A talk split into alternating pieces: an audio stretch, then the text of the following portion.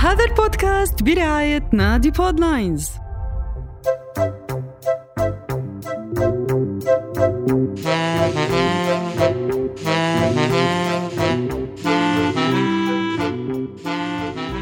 آخ بطني عم يجعني كتير. خير شبكي لما شو صاير معك؟ ليش عم تتوجعي؟ شو بيعرفني؟ تقلت كتير بالأكل على السحور كنت خايفة جوع وعطش وأنا صايمة. آخ بس الله يسامحك. الأكل كتير وقت السحور ما حيخفف عليك الجوع والعطش. بالعكس هاي عادة ما صحية أبدا وحتسبب لك تقلبات كتير. وحتتوجعي مثل ما صاير معك هلأ. طيب خفت موجوعة هلأ شو أعمل؟ أخ يا بطني. طب يلا رح خبرك شو هن الأغذية اللي بيساعدوكي على الصيام لحتى تحسي بجوع وعطش أقل. إيه إيه خبريني مشان أعرف شو أتسحر بكرة. أنا رينيم العجان طالبة تغذية علاجية وهذا بودكاست صحتنا بالشهر الفضيل برعاية نادي بودلاينز. بالبداية بدي أعرفك على مصطلح المؤشر الجلاسيمي. شو هاد؟ رح أقلك شو هاد. فينا نعرف المؤشر الجلاسيمي على أنه مؤشر لنسبة السكر بالدم والمؤشر الجلاسيمي في منه نوعين موجودين بالأطعمة المرتفع والمنخفض. آه. الأول واللي هو المرتفع.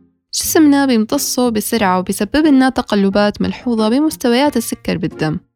بالتالي شعور بالجوع والعطش أكثر على خلاف النوع الثاني واللي هو المنخفض واللي جسمنا بيمتصها بشكل أبطأ واللي ما بيسبب لنا تقلبات كبيرة بمستويات السكر بالدم يعني جوع وعطش أقل وطاقة أكثر استدامة وقت الصيام طيب عرفيني لكان عن الأطعمة اللي مؤشرها الجلاسيمي صح؟ جلاسيمي صحنا تقطيع أه، منخفض وين ممكن نلاقيها؟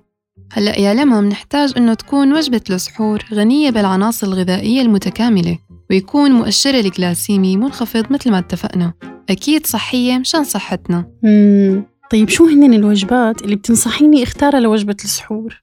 يلا لكان حقلك من المهم التركيز على الأطعمة اللي تهضم ببطء مثل الكربوهيدرات المعقدة وشرب سوائل اللي بتساعدنا على الهضم واللي بتحافظ على رطوبة الجسم خلال الصيام. ونركز على البروتين والدهون الصحية ومضادات الأكسدة. هلأ أكيد عم تقولي إنه شو هن المضادات الأكسدة؟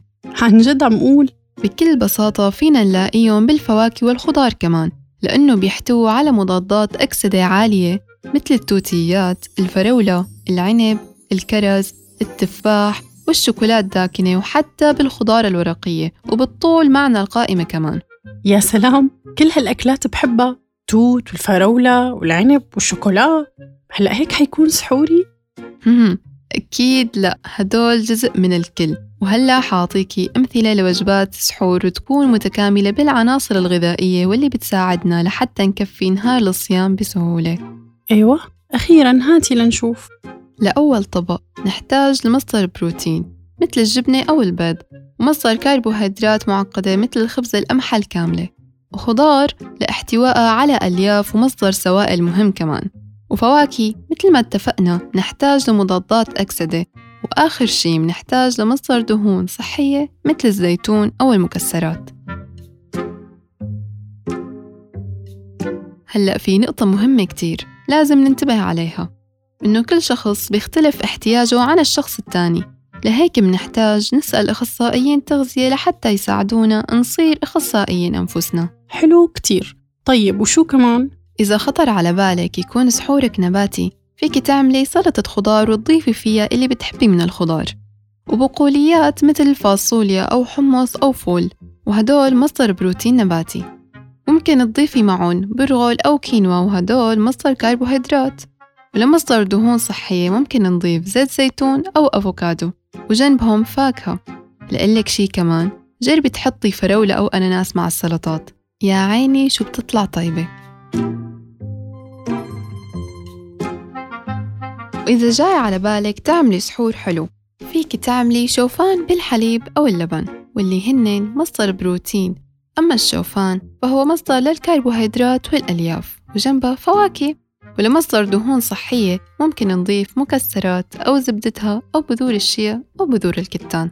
أما إذا حابة تعززي من مصدر الألياف والبروتين فيك تضيفي جانبهم سلطة خضار مع بيض. يا عيني كل هالأفكار؟ معناته ماني مضطرة آكل وعبي بطني كتير لحتى صوم يعني بكفي اتبع هالأسرار لحتى أكون مرتاحة بصيامي أكيد أكيد. هدول هن المفتاح بكل بساطة لإختيار الأطعمة والكميات المناسبة. وهن السر لكل هالقصة. وأكيد ما ننسى نسأل مختص لحتى يساعدنا بهالتفاصيل ببداية مشوارنا. إيه يا عيني لكن لأقوم عبي بطني مرة تانية مشان نطبق هالأسرار وبالنهاية بتمنى لكم سحور صحي ولذيذ وصيام ميسور وتبقوا بصحة وعافية يا رب. قام بتقديم هذا البودكاست أنا رنيم العجان وزميلتي لما عليمي.